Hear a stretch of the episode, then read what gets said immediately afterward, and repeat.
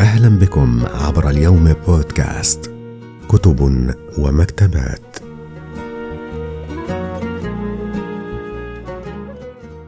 كتاب سيرة حماه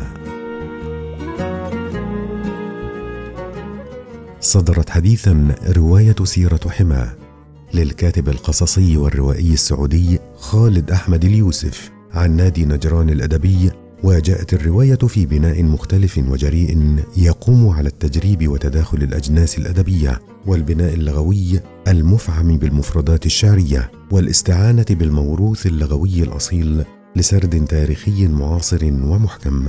استطاع المؤلف أن يقتنص الزمن ويستفيد من المرحلة التاريخية التي تمر بها البشرية مع انتشار وباء كورونا في العالم ليبين انعكاساته على الإبداع السردي. ولهذا سيطرت فلسفة الوجود والحياة والموت على معظم سطور هذه الرواية التي تقع في 220 صفحة موزعة على 17 فصلا وهي الرواية الرابعة في مسيرة خالد اليوسف الروائية.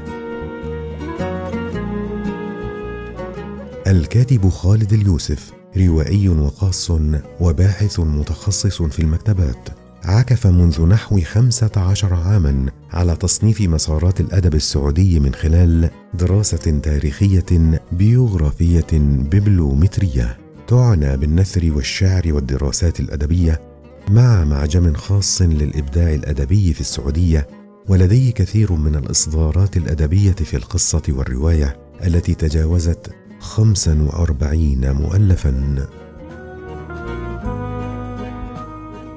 شكرا لاستماعكم لنا عبر اليوم بودكاست دمتم في أمان الله.